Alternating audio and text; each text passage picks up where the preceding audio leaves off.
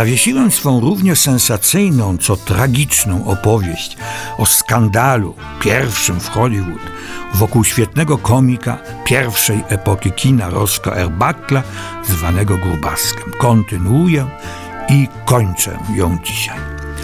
Nasz bohater został aresztowany i stanął przed sądem. To pół biedy ale niezastąpiona prasa mieszała go, to łagodnie powiedziane, z takim błotem, że nawet najbardziej zagorzali zwolennicy wolności tejże prasy zaczynali powątpiewać w słuszność swego stanowiska.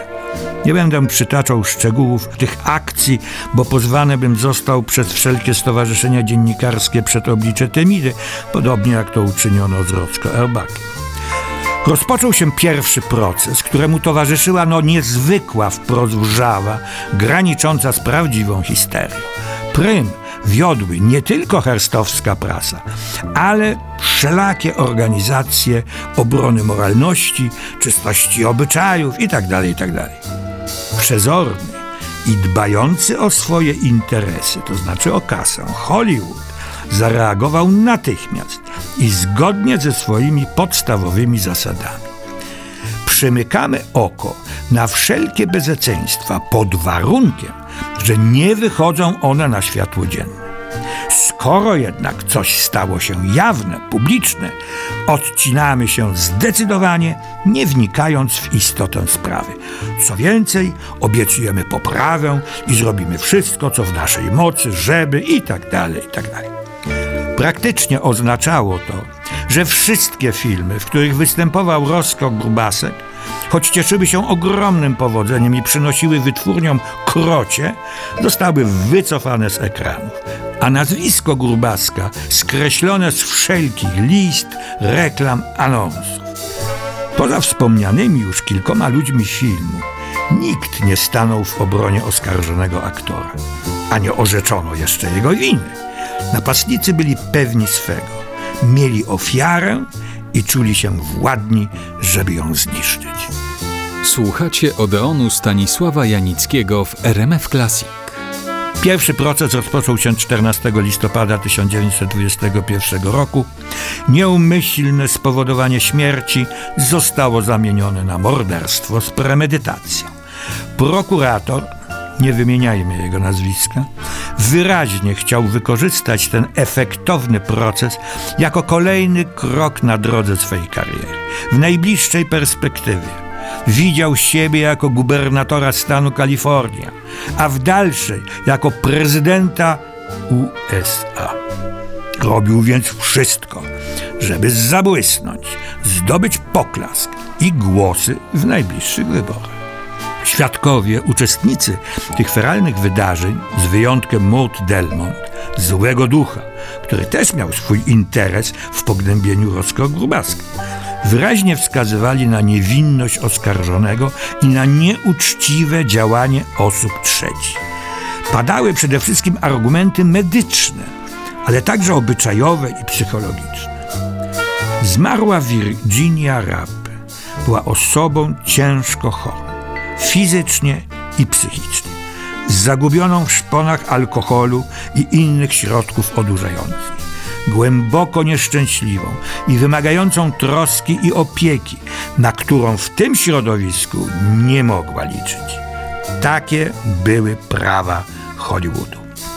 Sądzony aktor zaprzeczał wszelkim oskarżeniom. Świadkowie, przede wszystkim lekarze, go w pełni popierali. Nic z tego. Ława przysięgłych nie była jednomyślna, bo dwoje członków orzekło winny. Jedną z tych członkiń była czynna i wojownicza działaczka prawicowych organizacji feministycznych związanych z prokuraturą. Drugi proces rozpoczął się w styczniu następnego roku, czyli w roku 1922. Zakończył się jeszcze gorszym wynikiem niż pierwszy, bo stosunkiem 9 do 3. Winny. Wreszcie w marcu 1922 roku odbył się trzeci proces. Powołana została nowa ława przysięgłych. Obrona przedstawiła nowe i jednoznaczne dowody. Były one tak przekonywające, że posiedzenie Rady Przysięgłych trwało zaledwie 6 minut. Jednomyślnie uznano Roskę Erbakla za niewinnego. Tryumf sprawiedliwości, rozsądku, prawdy i tak. Ale to tylko część rzeczywistości bo wytwórnie pod żadnym pozorem nie chciały powtórnie zatrudnić swego tak niedawnego idola. Obawiały się bojkotu, manifestacji, demonstracji, demolki kin, paszkwilanckich artykułów w prasie itd., tak itd., tak więc Roscoe Arbuckle został na przysłowiowym lodzie. Na szczęście nie zupełnie. Jego popularność, jego sława była wielka.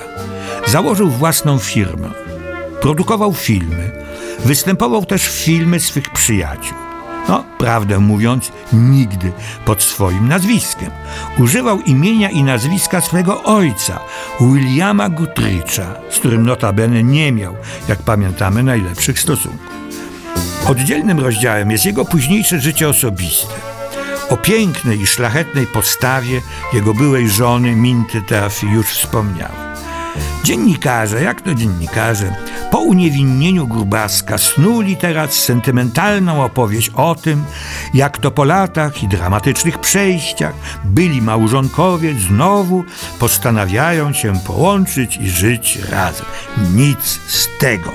Oboje okazali się ludźmi rozsądnymi, znali swoje charaktery i wiedzieli, że zgranie ich w małżeńskim stadle jest po prostu niemożliwe. Rocka Arbuckle ożenił się jeszcze dwukrotnie, ale tylko drugi związek uznać można za udany. Przerwała go zresztą śmierć Rocko-Grubacka.